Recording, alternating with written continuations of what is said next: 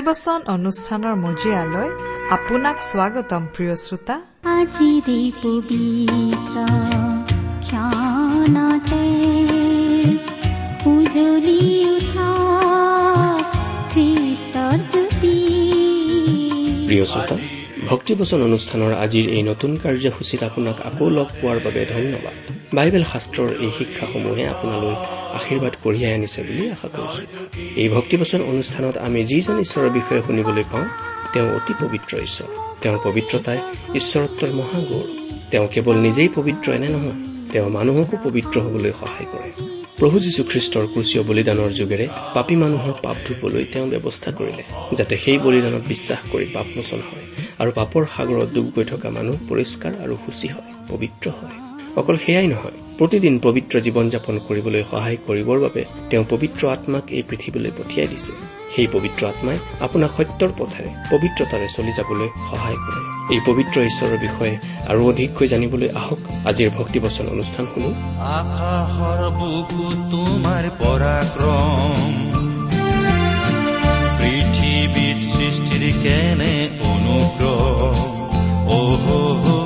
বাক্যেৰে পৃথিৱী খজালা নৈ পৰ্বত পিৰিষেৰে আঁকিলা।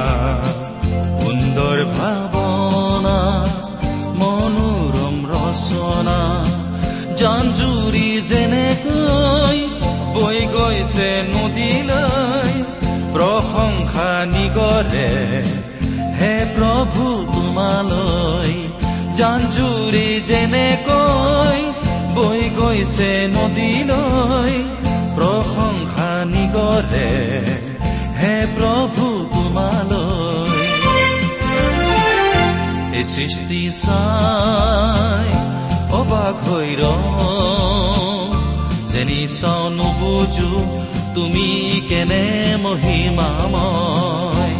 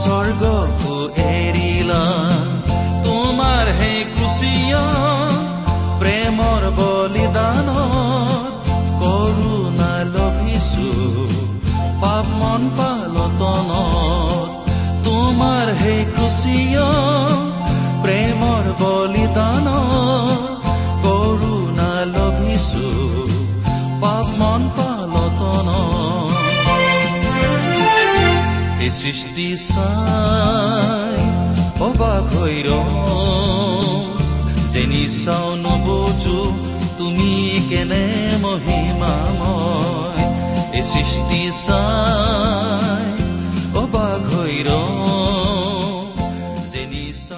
আমাৰ মহান ত্ৰাণকৰ্তা প্ৰভু যীশুখ্ৰীষ্টৰ নামত নমস্কাৰ প্ৰিয় শ্ৰোতা। আশা কৰো আপুনি ভালে কুশলে আছে। প্ৰিয় শ্ৰোতা আপুনি বাৰু আমাৰ এই ভক্তিবচন অনুষ্ঠানটো নিয়মিতভাৱে শুনি আছেনে? এই অনুষ্ঠান সম্বন্ধে আপোনাৰ মতামত আদি জনাই আমালৈ চিঠি পত্ৰ লিখিছেনে বাৰু?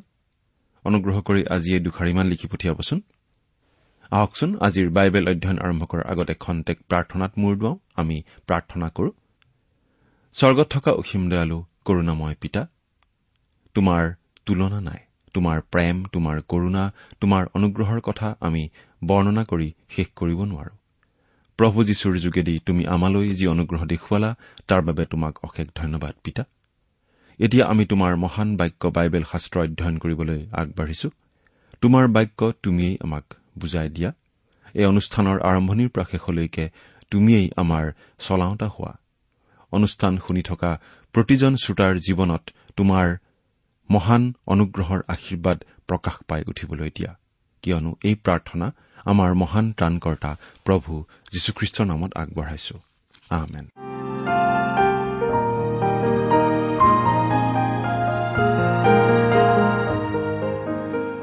প্ৰিয় শ্ৰোতা আপুনি বাৰু আমাৰ আগৰ অনুষ্ঠানটো শুনিছিল নে আমি বাৰু কি আলোচনা কৰিছিলো আপোনাৰ মনত আছেনে? আপুনি যদি আমাৰ এই ভক্তিবচন অনুষ্ঠানটো নিয়মিতভাৱে শুনি আছে তেনেহলে আপোনাৰ নিশ্চয় মনত আছে যে আমি আজি ভালেমান দিন ধৰি বাইবেলৰ পুৰণি নিয়ম খণ্ডৰ যিচয়া ভাৱবাদীৰ পুস্তক নামৰ পুস্তকখন অধ্যয়ন কৰি আছো নহয়নে বাৰু?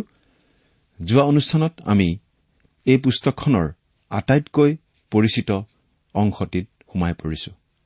সেইটো হৈছে তেপন্ন নম্বৰ অধ্যায় য'ত আমি প্ৰভু যীশুখ্ৰীষ্টৰ বিষয়ে পাওঁ। তেওঁ আমাৰ হকে কষ্ট সহন কৰাৰ বিষয়টো আমি আলোচনা কৰিছিলো। তেপন্ন নম্বৰ অধ্যায়ৰ এক আৰু দুই নম্বৰ পদ পঢ়ি আমি আলোচনা আৰম্ভ কৰিছিলো। কিন্তু আজিৰ আলোচনাত আমি তিনি নম্বৰ পদৰ পৰা আমি প্ৰভু যীশুখ্ৰীষ্টৰ বিষয়ে আকৌ পঢ়িবলৈ পাম।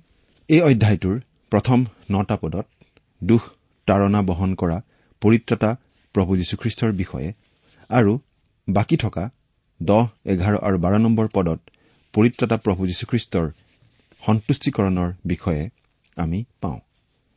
এতিয়া প্ৰথমতে আমি তিনি নম্বৰ পদৰ পৰা ন নম্বৰ পদলৈকে পাঠ কৰোৱা হওক আপোনাৰ লগত যদি বাইবেল আছে অনুগ্ৰহ কৰি চাই যাব। যিচয়া তেপন্ন নম্বৰ অধ্যায়ৰ তিনি নম্বৰ পদৰ পৰা একেবাৰে ন নম্বৰ পদলৈকে পাঠ কৰি দিম। তেওঁ ঘৃণিত আৰু মানুহৰ দ্বাৰাই পৰিত্যক্ত হল। তেওঁ শোকাতুৰ আৰু যাতনা পৰিচিত। আৰু যাৰ পৰা মানুহে মুখ ঢাকে তেওঁ তাৰ নিচিনা। তেওঁক তুচ্ছ কৰা হল আৰু আমি তেওঁক শ্ৰেষ্ঠ জ্ঞান কৰা নাই। নিশ্চয়ে তেওঁ আমাৰ যাতনাবোৰ ললে আমাৰ ৰোগৰ ভাৰ বলে। তথাপি আমি হলে তেওঁক আঘাতিত ঈশ্বৰৰ দ্বাৰাই প্ৰহাৰিত আৰু দোষিত যেন জ্ঞান কৰিলো। কিন্তু আমাৰ অধৰ্মবোৰৰ নিমিত্তে তেওঁক খোচা হল আমাৰ অপৰাধবোৰৰ নিমিত্তে গুৰি কৰা হল। আমাৰ শান্তিজনক শাস্তি তেওঁৰ ওপৰত পৰিল আৰু তেওঁৰ গাৰ সাঁচ বহা কোবৰ দ্বাৰাই আমি সুস্থ হলো। আমি সকলোৱে ভেড়াৰ নিচিনাকৈ অপথে গৈছিলো প্ৰতিজনে নিজ নিজ বাট লৈছিলো আৰু জিহুৱাই আমাৰ সকলোৰে অপৰাধৰ ভাৰ তেওঁৰ ওপৰত দিলে। তেওঁ উপদ্ৰৱ পালে তথাপি নম্ৰ হৈ তেওঁৰ মুখ নেমেলিলে।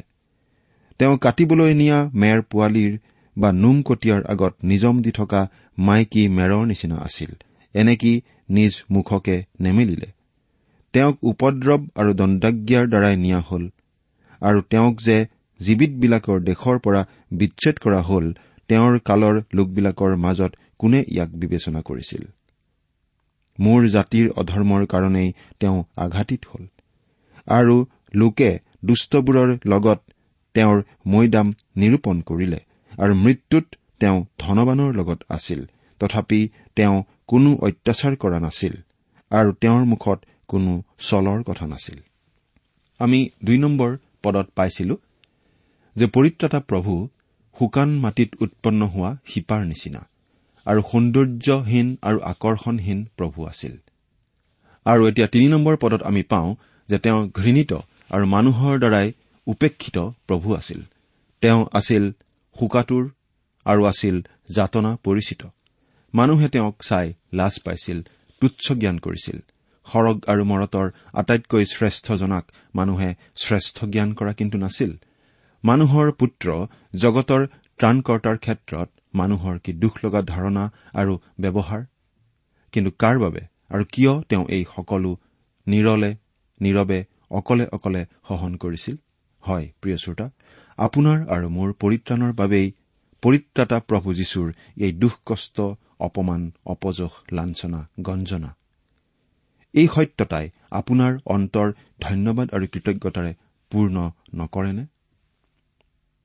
চাৰি নম্বৰ পদত চাওক ঈশ্বৰৰ দ্বাৰাই প্ৰসাৰিত আৰু দূষিতজন আছিল আমাৰ পৰিত্ৰাতা প্ৰভু যীশুখ্ৰীষ্ট। প্ৰকৃততে আমাৰ মাজৰ কোনোজনেই এই কথাটো বুজি নাপাওঁ চাগে? কিয় ঈশ্বৰে পৰিত্ৰাতা আৰু প্ৰভু যীশুখ্ৰীষ্টৰ প্ৰতি এনে ব্যৱহাৰ কৰিব লাগে? তেওঁ কি কৰিলে যে তেওঁ এনে ব্যৱহাৰ পাব লাগে? ক্ৰুচলৈকে চাওকচোন। সেই ক্ৰুচখনত তেওঁ ছয় ঘণ্টা ধৰি ওলমি আছিল। সৰগ আৰু পৃথিৱীৰ মাজত পুৱাবেলাৰ ন বজাৰ পৰা আবেলি তিনি বজালৈকে। প্ৰথম তিনি ঘণ্টা মানুহে মানুহৰ ফালৰ পৰা আটাইতকৈ নিষ্ঠুৰ আৰু অমানসিক ব্যৱহাৰ তেওঁৰ প্ৰতি কৰিলে। মনৰ হেঁপাহ পলোৱাই ঠাট্টা ইটিকিং নিন্দা কৰিলে। তেওঁৰ গালৈ থু পেলালে বৰ নিৰ্দয়ভাৱে তেওঁক ক্ৰুচত তুলি হাতত আৰু ভৰিত গজাল মাৰিলে কোষত জাঠিৰে খুচিলে গাৰ বলেৰে মূৰত কাঁইটৰ কিৰিটি পিন্ধালে। অখাদ্য খোৱালে গাৰ কাপোৰ চিঠি খেলি ভাগ বাতি ললে। যিবিলাক মানুহে তেনে ব্যৱহাৰ কৰিছিল তেওঁলোকৰ কি হানি কৰিছিল যে তেওঁলোকে তেওঁক তেনে ব্যৱহাৰ কৰিব পাৰিছিল? কত যন্ত্ৰণা তেওঁ সেই দীঘলীয়া সময়ছোৱাত সহ্য কৰিব লগা হৈছিল?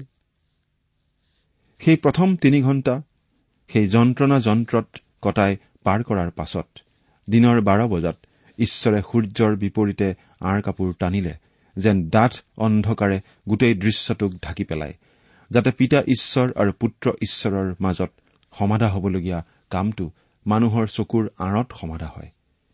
এইদৰে খ্ৰীষ্টক পাপস্বৰূপে ব্যৱহাৰ কৰি জগতৰ পাপৰ বাবে তেওঁক বলি উৎসৰ্গ কৰিলে। ঈশ্বৰে পাপ ঘীন কৰে নে নকৰে? তাক যদি আপুনি জানিবলৈ ইচ্ছা কৰে তেন্তে সেই ক্ৰুচখনলৈকে চাওক। ঈশ্বৰে পাপক শাস্তি দিয়ে নে নিদিয়ে? তাকে যদি জানিবলৈ ইচ্ছা কৰে তেন্তে এই পাপৰ বাবে হোৱা অমানসিক দুখ কষ্ট সহ্য কৰা তেওঁৰ সাহসী অন্তৰখনলৈকে চাওক। ইমানখিনি স্বয়ং ঈশ্বৰৰ পুত্ৰই কৰাৰ পাছতো যদি আমি তেওঁৰ পৰিত্ৰাণক প্ৰত্যাখ্যান কৰো আমি কেনেকৈ তেওঁৰ ক্ৰোধৰ পৰা হাত সাৰিব পাৰিম? ঈশ্বৰৰ সেই মেৰ পোৱালীয়ে সেই প্ৰভু যীশুখ্ৰীষ্টই আপোনাৰ পাপৰ পৰা পৰিত্ৰাণ পোৱাৰ যি মূল্য সেই মূল্য বহন কৰিবলৈ ক্ৰুচত নিজৰ প্ৰাণ দিলে। নিজৰ তেজেৰেই আপোনাৰ আৰু মোৰ পৰিত্ৰাণৰ মূল্য তেওঁ দিলে। হয় তেওঁ আপোনাৰ বাবে তেওঁ মোৰ বাবে ক্ৰুচত তেনেদৰে মৃত্যুবৰণ কৰিলে। পাঁচ আৰু ছয় নম্বৰ পদৰ মাজৰ বিশেষকৈ এটা কথা মন কৰিবলগীয়া তেওঁৰ গাৰ সাঁচ বহা কোবৰ দ্বাৰাই সুস্থ হলো বুলি কোৱা হৈছে। কিন্তু কিহৰ পৰা সুস্থ হলো? শাৰীৰিক ৰোগৰ পৰা নে পাচনি পিতৰৰ ব্যাখ্যাৰ পৰা আমি এই বিষয়ে বুজিব পাৰো। প্ৰথম পিতৰ দুই নম্বৰ অধ্যায়ৰ চৌব্বিছ নম্বৰ পদত এইদৰে কোৱা হৈছে আমি পাঠ কৰি দিছো শুনিবচোন। আৰু আমি যেন পাপৰ সম্বন্ধে মৰি ধাৰ্মিকতাৰ সম্বন্ধে জীওঁ এইকাৰণে তেওঁ কাঠৰ ওপৰলৈ তেওঁৰ শৰীৰত আমাৰ পাপৰ ভাৰ বৈ নিলে। তেওঁৰ সাঁচৰ দ্বাৰাই তোমালোক সুস্থ হলা। ইয়াৰ পৰা আমি অতি স্পষ্টকৈ বুজি পাব পাৰো যে আমি আমাৰ পাপ আৰু অপৰাধসমূহৰ পৰা সুস্থ হওঁ। অৰ্থাৎ প্ৰভু যীশুৱে তেওঁৰ গাত সেই চাবুকৰ কোব সেই সকলো যন্ত্ৰণা সহিছিল যাতে তেওঁৰ গাত সাঁচ বহা সেই কোবৰ দ্বাৰা আমি আমাৰ পাপ ৰোগৰ পৰা সুস্থ হ'ব পাৰো। এতিয়া আকৌ চাওক ছয় পদত আমি সকলোৱে বুলি আৰম্ভ কৰি আমাৰ সকলোৰে বুলি এই পদটো শেষ কৰা হৈছে। তাৰমানে আমি কিছুমানে ভেড়াৰ দৰে অপথে যোৱা নাছিলো কিন্তু সকলোৱেই অপথে গৈছিলো। মাত্ৰ কিছুমানেহে পাপ কৰা নাছিলো সকলোৱেই পাপ কৰিছিলো। আমাৰ অৰ্থাৎ মানৱ জাতিটোৰ আচল সমস্যাটো কি? হয় আমি প্ৰতিজনে নিজ নিজ বাট লৈছিলো। সেইটোৱেই গোটেই মানৱ জাতিৰ সমস্যা। মানুহে ঈশ্বৰৰ পথ ঈশ্বৰৰ ইচ্ছা এৰি নিজৰ ইচ্ছাৰ দৰে নিজ নিজ পথ লয়। এই কথাটো বাইবেলত বাৰে বাৰে উল্লেখ কৰা হৈছে। মানুহে ঈশ্বৰলৈ পিঠি দি নিজৰ পথেৰে চলে আৰু সেইটোৱেই গোটেই মানৱ জাতিৰ সকলোতকৈ ডাঙৰ সমস্যা মানুহৰ পাপ। পদটোৰ শেষত কোৱা হৈছে জিহুৱাই আমাৰ সকলোৰে অপৰাধৰ ভাৰ তেওঁৰ ওপৰত দিলে। যিচয়া ভাৱবাদীয়ে ইয়াত এই কথাটো স্পষ্ট কৰি দিছে যে যেতিয়া প্ৰভু যীশুৱে ক্ৰুচত মৃত্যুবৰণ কৰিছিলে তেতিয়া তেওঁ আপোনাৰ আৰু মোৰ স্থান লৈ পাপৰ মুক্তিৰ মূল্য বহন কৰিছিল। আৰু ইয়াকে তেওঁ কৰিছিল নিষ্পাপ নিষ্কলংক আৰু সূচী ঈশ্বৰৰ মেৰ পোৱালী স্বৰূপে আপোনাৰ আৰু মোৰ পৰিত্ৰাণৰ বাবে। খ্ৰীষ্টৰ এনে দুখ যাতনাৰ বাবে মোৰ আৰু আপোনাৰ পাপৰ বাবে তেওঁ এনে যাতনা পোৱাৰ বাবে আপোনাৰ হয়তো তেওঁৰ প্ৰতি সহানুভূতি জাগিব পাৰে। কিন্তু তেওঁ কাৰো সহানুভূতি আদায় কৰিবলৈ দুখ যাতনা ভোগ কৰি ক্ৰুচত মৃত্যুবৰণ কৰিবলৈ অহা নাছিল। তেওঁৰ প্ৰতি সহানুভূতিশীল হৈ তেওঁৰ পক্ষ লৈ তেওঁৰ কাৰণে কোনোবা থিয় হবলৈকো তেওঁ দুখ ভোগা নাছিল। নাইবা তেওঁ কোনো শ্বহীদ হৈ মৃত্যুবৰণ কৰা নাছিল। আমি সকলোৱেই মনত ৰখা উচিত যে ঈশ্বৰৰ মেৰ পোৱালী আমাৰ পৰিত্ৰতা যীশুখ্ৰীষ্টই অৱৰ্ণনীয় আৰু অমানসিক দুখ কষ্ট নিৰলে নীৰৱে অকলে অকলে সহন কৰিলে আমাৰ পাপৰ শাস্তি নৰকৰ অনন্ত মৃত্যুৰ পৰা আমি ৰক্ষা পাবলৈ যি মূল্যৰ প্ৰয়োজন সেই মূল্য পৰিশোধ কৰিলে কালবাৰীৰ ক্ৰুচত নিজৰ প্ৰাণদানেৰে নিজৰ অমূল্য তেজেৰে। সেই মহৎ কৰ্ম তেওঁ সম্পন্ন কৰিলে যাতে মানুহে তেওঁৰ সেই মহৎ কৰ্ম বিশ্বাস কৰি তেওঁক তেওঁলোকৰ নিজৰ নিজৰ জীৱনৰ পৰিত্ৰাতা আৰু প্ৰভু হিচাপে গ্ৰহণ কৰি তেওঁৰ অমূল্য পৰিত্ৰাণৰ অধিকাৰী হৈ স্বৰ্গলৈ যাব পাৰে। অনন্ত জীৱন লাভ কৰিব পাৰে। তেওঁৰ সেই ক্ৰুচীয় মৃত্যুৰ সেয়াই আছিল একমাত্ৰ কাৰণ। প্ৰিয় শ্ৰোতা আপুনি জানো তেওঁৰ সেই মহৎ কৰ্মত বিশ্বাস কৰে? কৰেনে? তেওঁক আপোনাৰ জীৱনৰ পৰিত্ৰাতা প্ৰভু আৰু ঈশ্বৰৰূপে আপুনি গ্ৰহণ কৰিলেনে? যদি কৰা নাই তেন্তে এই ক্ষেত্ৰত আপোনাৰ সিদ্ধান্ত কি? এনেকুৱা মহৎ কৰ্মৰ দ্বাৰাই প্ৰস্তুত কৰা পৰিত্ৰাণ আপুনি প্ৰত্যাখ্যান কৰিবনে? চিন্তা কৰি চাওকচোন। এতিয়া আমি দহ এঘাৰ আৰু বাৰ নম্বৰ পদৰ পৰা চাওঁ আমাৰ পৰিত্ৰতা প্ৰভু যীশুৰ সন্তুষ্টিৰ বিষয়ে। পদ তিনিটা পাঠ কৰি দিছো শুনিবচোন। তথাপি তেওঁক গুৰি কৰিবলৈ জিহুৱাৰ ইচ্ছা হল। তেওঁ তেওঁক যাতনাত পেলালে। তুমি তেওঁৰ প্ৰাণ পাপাৰ্থক বলিস্বৰূপে উৎসৰ্গ কৰাৰ পাছে তেওঁ নিজ বংশ দেখিব। তেওঁ দীৰ্ঘজীৱী হ'ব আৰু তেওঁৰ হাতৰ দ্বাৰাই জিহুৱাৰ মনোবাঞ্ছা সিদ্ধ হ'ব। তেওঁ নিজ প্ৰাণৰ দুখৰ ফল দেখি তৃপ্ত হ'ব। মোৰ ধাৰ্মিক দাসে নিজ জ্ঞানৰ দ্বাৰাই অনেকক ধাৰ্মিক কৰিব আৰু তেওঁই তেওঁবিলাকৰ অপৰাধৰ ভাৰ বব। এই হেতুকে মই মহৎ লোকবিলাকৰ লগত তেওঁক এক অংশ দিম আৰু তেওঁ পৰাক্ৰমীবিলাকৰ লগত লুটদ্ৰব্য ভাগ কৰি ল'ব কাৰণ তেওঁ মৃত্যুলৈ নিজ প্ৰাণ ঢালি দিলে আৰু অধৰ্মীবোৰৰ লগত লেখত পৰিল। তথাপি তেওঁ অনেকৰ পাপৰ ভাৰ ললে আৰু অধৰ্মীবোৰৰ নিমিত্তে অনুৰোধ কৰিছে। দহ নম্বৰ পদৰ কথাখিনিলৈ মন কৰক। দুখ কষ্ট ভোগ কৰা পৰিত্ৰতাজনক গুৰি কৰিবলৈ জিহুৱাৰ ইচ্ছা হল। কিন্তু কিয়? জিহুৱাই তেওঁক যাতনাত পেলালে। কিন্তু কিয়? ঈশ্বৰ জিহুৱাই তেওঁক পাপাৰ্থক বলিৰূপে উৎসৰ্গ কৰিলে। কিন্তু কিয়? উত্তৰত কোৱা হৈছে যে এই সকলো কৰাৰ দ্বাৰাই তেওঁ সেইসকলক নিজৰ বংশৰূপে দেখিব যিসকলে তেওঁক তেওঁলোকৰ জীৱনৰ পৰিত্ৰতা প্ৰভু আৰু ঈশ্বৰ ৰূপে গ্ৰহণ কৰিব। তেওঁ তেওঁলোকে সৈতে সৰগত চিৰ সহভাগিতাৰে বাস কৰিব আৰু সেইদৰেই তেওঁ মানুহৰ অনন্ত পৰিত্ৰাণৰ কাৰণে জিহুৱা ঈশ্বৰৰ যি মনোবাঞ্ছা তাক সিদ্ধ কৰিলে। হালিলুয়া হালিলুয়া ঈশ্বৰৰ গৌৰৱ হওক এঘাৰ নম্বৰ পদত চাওক এতিয়া আমাৰ এজনা জীৱিত আৰু সদা প্ৰফুল্লিত পৰিত্ৰতা আছে কাৰণ তেওঁ আপোনাৰ আৰু মোৰ কাৰণে গোটেই মানৱ জাতিৰ কাৰণে যি অমানসিক আৰু অবৰ্ণনীয় দুখ কষ্ট ভোগ কৰিলে। তাৰ বাবে তেওঁ এতিয়া পৰম সন্তুষ্ট। সন্তুষ্ট নহবনো কিয়? কাৰণ তেওঁ আপোনাৰ আৰু মোৰ হৈ নৰকৰ স্থান ললে যাতে আপুনি আৰু মই তেওঁৰ সৰগৰ স্থানৰ বাসিন্দা হ'ব পাৰো। সন্তুষ্ট নহব কিয়? কাৰণ তেওঁৰ এই মহৎ কৰ্মৰ গুণেই আজি লাখ লাখ হেৰুৱা প্ৰাণে উদ্ধাৰ লাভ কৰিছে। পাপেৰে কলুষিত প্ৰাণে নিবিচৰা দোষী বিবেকৰ পৰা মুক্তি লাভ কৰিছে। পাপৰ কুষ্ঠ ৰোগৰ পৰা সুস্থ হৈছে। বাইবেলে কৈছে যে এজন হেৰুৱা পাপীও যদি উদ্ধাৰ হয় তেন্তে সৰগত মহা আনন্দ হয়। সৰগৰ সেই আনন্দ আজি সম্পূৰ্ণ হৈছে কাৰণ পাপীয়ে ইচ্ছা কৰিলে সিদ্ধান্ত ললে তেওঁ পৰিত্ৰাণ লাভ কৰাৰ পথ প্ৰভু যীশুৱে প্ৰশস্ত কৰিলে কালবাৰীৰ ক্ৰুচত নিজৰ প্ৰাণ বিসৰ্জন দি। সেয়ে আজি তেওঁ পৰম সন্তুষ্ট। সেয়ে আজি আমাৰ এজনা সুখী পৰিত্ৰতা আছে। এনে সুখী পৰিত্ৰতাৰ উপস্থিতিত আমাৰ কি সুখৰ জীৱন হ'ব আপুনি কল্পনা কৰি চাওক। আপুনি তেওঁৰ সন্তুষ্টিত আৰু অধিক সন্তুষ্টি লগ লগাব পাৰে আৰু তেওঁৰ আনন্দ আপুনি বঢ়াব পাৰে। তেওঁ আপোনাক দান কৰিবলৈ ইচ্ছা কৰা অনন্ত জীৱনৰ উপহাৰখিনি গ্ৰহণ কৰি।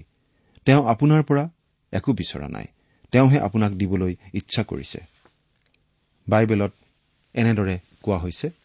ৰোমিয়া চাৰি নম্বৰ অধ্যায়ৰ পাঁচ নম্বৰ পদত আমি এনেদৰে পঢ়িবলৈ পাওঁ পাঠ কৰি দিছো। কিন্তু যিজনে কৰ্মকাৰী নহৈ ঈশ্বৰ ভক্তিহীন ঈশ্বৰ ভক্তিহীনক ধাৰ্মিক বুলি গণিত কৰা জনাত বিশ্বাস কৰে তেওঁৰ সেই বিশ্বাস ধাৰ্মিকতাৰ অৰ্থে গণিত হয়। এয়া ৰুমিয়া চাৰি নম্বৰ অধ্যায়ৰ পাঁচ নম্বৰ পদ। আপুনি কৰিবলগীয়া একমাত্ৰ কামটো হৈছে আপুনি য'তেই আছে যি অৱস্থাতেই আছে তাতেই থাকি তেওঁক গ্ৰহণ কৰাটো। তেওঁ আপোনাক ক্ৰুজখনৰ গুৰিলৈ মাতিছে কাৰণ তাতেই আপোনাৰ পাপৰ ক্ষমা আছে। প্ৰিয় শ্ৰোতা এতিয়া আমি চৌৱন্ন নম্বৰ অধ্যায়টো চমুকৈ অধ্যয়ন কৰোঁ হওক। এই অধ্যায়টোত পুনৰ গোটোৱা আৰু উদ্ধাৰ পোৱা জিহুৱাৰ ভাৰ্যা আনন্দিত আৰু ধাৰ্মিকা উদ্ধাৰপ্ৰাপ্তা জিহুৱাৰ ভাৰ্যাৰ কথা আমি পাওঁ। অৰ্থাৎ জিৰচালেমৰ কথা। ইছৰাইলীয়া জাতিৰ কথা। তেপন্ন নম্বৰ অধ্যায়ৰ পাছতে এই চৌৱন্ন নম্বৰ অধ্যায়টো বৰ উপযুক্ত অধ্যায় হৈছে কাৰণ এই অধ্যায়টোত ইছৰাইলৰ পৰিত্ৰাণ আৰু ভৱিষ্যত গৌৰৱৰ কথা আছে। মুক্তিদাতাজন কোনো এদিনাখন চিউনলৈ আহি আছে আৰু ইছৰাইলে তেওঁলোকৰ নিজ চকুৰে সেই মুক্তিদাতাজনক দেখা পাব। চৌৱন্ন নম্বৰ অধ্যায়ৰ এক নম্বৰ পদৰ পৰা দহ নম্বৰ পদলৈ পাওঁ পুনৰ গোটাই উদ্ধাৰ কৰা জিহুৱাৰ ভাৰ্যাৰ কথা। পাঠ কৰি দিছো। হে প্ৰসৱ নকৰা বাজি তুমি আনন্দ গান কৰা। হে প্ৰসৱ বেদনা নোপোৱাজনী তুমি গান কৰিবলৈ ধৰা আৰু উচ্চধ্বনি কৰা কিয়নো জিহুৱাই কৈছে স্বামী থকাজনীৰ সন্তানতকৈ অনাথিনীৰ সন্তান অধিক হ'ব। তুমি নিজ তম্বুৰ ঠাই বহল কৰা আৰু নিজ নিবাসৰ কাপোৰবোৰ বিস্তাৰ কৰা হওক। তুমি খৰচলৈ ভয় নকৰিবা। তোমাৰ নিজ জৰি দীঘল আৰু খুঁটিবোৰ শকত কৰা কিয়নো তুমি সোঁহাতে আৰু বাওঁহাতে বিস্তাৰিত হবা আৰু তোমাৰ সন্তানবিলাকে জাতিবিলাকৰ আধিপত্য ভোগ কৰিব আৰু ধ্বংস হোৱা নগৰবোৰ মানুহৰ বাসস্থান কৰিব। তুমি ভয় নকৰিবা কাৰণ তুমি লজ্জিত নহবা বিৱৰ্ণ নহবা কিয়নো তোমাক লাজত পেলোৱা নাযাব। কাৰণ তুমি তোমাৰ যৌৱনকালৰ লাজ পাহৰিবা আৰু তোমাৰ বিধৱা অৱস্থাৰ অপমান মনত আৰু নাৰাখিবা। কিয়নো তোমাৰ নিৰ্মাণকৰ্তাই তোমাৰ স্বামী। বাহিনীবিলাকৰ যি হোৱা তেওঁৰ নাম। আৰু ইছৰাইলৰ পবিত্ৰ জনাই তোমাৰ মুক্তিদাতা। গোটেই পৃথিৱীৰ ঈশ্বৰ বুলি তেওঁ প্ৰখ্যাত। কাৰণ এৰি থোৱা আৰু মনত পোৱা এনেকি ত্যাগ কৰা যৌৱনকালৰ ভাৰ্যাৰ নিচিনাকৈ জিহুৱাই তোমাক আহান কৰিলে। ইয়াক তোমাৰ ঈশ্বৰে কৈছে। মই অলপ সময়ৰ নিমিত্তে মাথোন তোমাক ত্যাগ কৰিছিলো কিন্তু অধিক দয়াৰে মই তোমাক গোটাম। বানপানী উঠাৰ দৰে খং উঠাত মই এক মুহূৰ্তৰ নিমিত্তে তোমাৰ পৰা মোৰ মুখ লুকুৱাই ৰাখিছিলো কিন্তু চিৰকলীয়া মৰমেৰে মই তোমাক দয়া কৰিম তোমাৰ মুক্তিদাতা জিহুৱাই ইয়াক কৈছে। কিয়নো মোৰ আগত এয়ে নোহৰ কালৰ জলসমূহৰ নিচিনা সেই নোহৰ কালৰ জলসমূহে পুনৰাই পৃথিৱীক আপ্লাৱন নকৰিব বুলি মই যেনেকৈ শপত কৰিছিলো তেনেকৈ মই এতিয়াও শপত কৰিছো যে মই তোমালৈ ক্ৰুদ্ধ নহওঁ আৰু তোমাক ধমকিও নিদিওঁ। কাৰণ পৰ্বতবোৰ গুচি যাব আৰু গিৰিবোৰ স্থানান্তৰ হ'ব কিন্তু মোৰ দয়া তোমাৰ পৰা নুগুচিব আৰু মোৰ শান্তিজনক নিয়মটি লৰচৰ নহ'ব তোমাৰ অনুগ্ৰহ কৰোতা জিহুৱাই ইয়াকে কৈছে।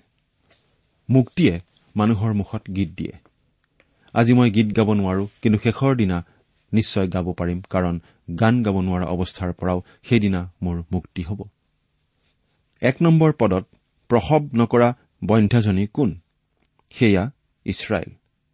অতীতত ইছৰাইল বন্ধ্যা আছিল। কিন্তু বন্ধ্যা চাৰাৰ গৰ্ভলৈ সন্তান অনাৰ নিচিনাকৈ বন্ধ্যা ইছৰাইলকো আশীৰ্বাদ কৰাত ইছৰাইলো মাতৃ হোৱাৰ সন্মান প্ৰাপ্ত কৰিলে আনন্দতে গান গাব পৰাৰ কাৰণ বিচাৰি পালে। সেয়ে ক্ৰুচীয় যাতনাৰ অধ্যায় তেপন্ন নম্বৰ অধ্যায়টোৰ পাছতেই যিটো বিষয় এই চৌৱন্ন নম্বৰ অধ্যায়ত উল্লেখ কৰা হৈছে সেইটো হৈছে গান কৰা। ইছৰাইলক গান কৰিবলৈ মতা হৈছে। যুগ যুগ ধৰি অতীতত আনকি এই বৰ্তমানতো ইছৰাইলে গান গোৱা নাই। গান গাব পৰা হোৱা নাই। ইছৰাইল এতিয়াও বন্ধ্যা কিন্তু ইছৰাইলৰ এই অপমানৰ কাল উৰ পৰিব। তাইৰ আনতকৈ অধিক সন্তান হ'ব আৰু বন্ধ্যা অৱস্থাৰ পৰা মুক্তি পোৱা সন্মানিতা মাতৃস্বৰূপা ইছৰাইলে শেষৰ দিনা মুক্তিৰ গান গাব পাৰিব। দুই নম্বৰ পদত আমি পাওঁ যে ইছৰাইলে তেওঁলোকৰ অংগীকৃত ভূমি অৰ্থাৎ তেওঁলোকৰ বাবে নিৰ্দিষ্ট কৰা চিহ্নিত কৰা সম্পূৰ্ণ তিনিশ হাজাৰ বৰ্গ মাইলৰ ভূমি। কেতিয়াও দখল কৰা নাই কিন্তু সম্পূৰ্ণ ভূমি তেওঁলোকে প্ৰভুৰ নিৰ্দিষ্ট সময়ত দখল কৰিব। সম্পূৰ্ণ ভূমি তিনিশ হাজাৰ বৰ্গ মাইল বুলি আমি জিহুচোৱা এক নম্বৰ অধ্যায়ৰ চাৰি নম্বৰ পদত পাওঁ।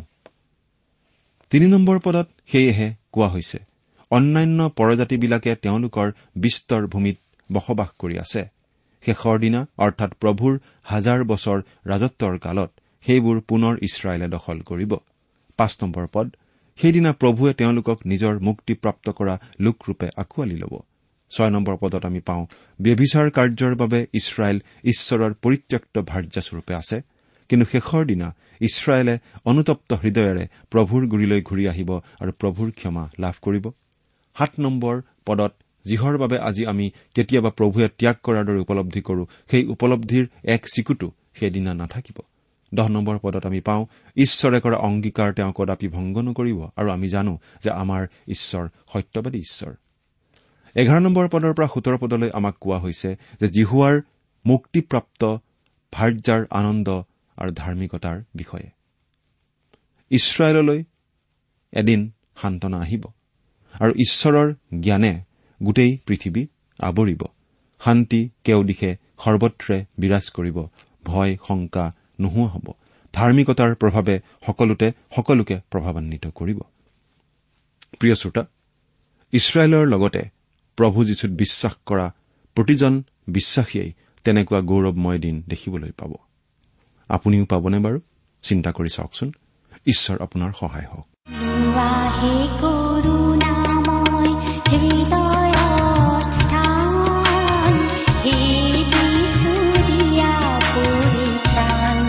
ইমান পৰে আপুনি বাইবেল শাস্ত্ৰৰ পৰা ঈশ্বৰৰ বাক্য শুনিলে। এই বিষয়ে আপোনাৰ মতামত জানিবলৈ পালে আমি নথৈ আনন্দিত হ'ম।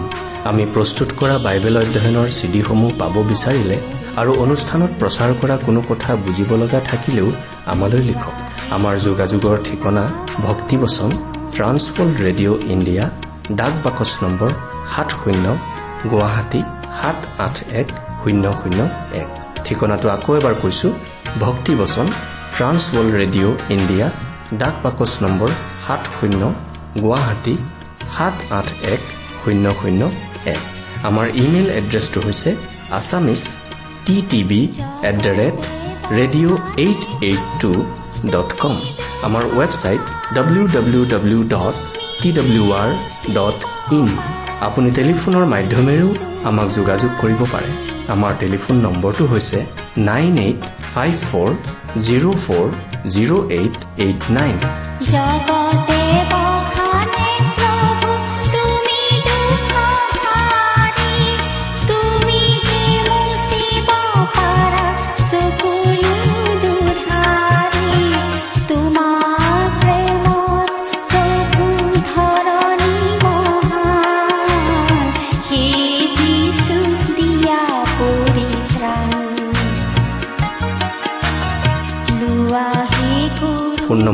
আকৌ এবাৰ কৈছো ন আঠ পাঁচ চাৰি শূন্য চাৰি শূন্য আঠ আঠ ন।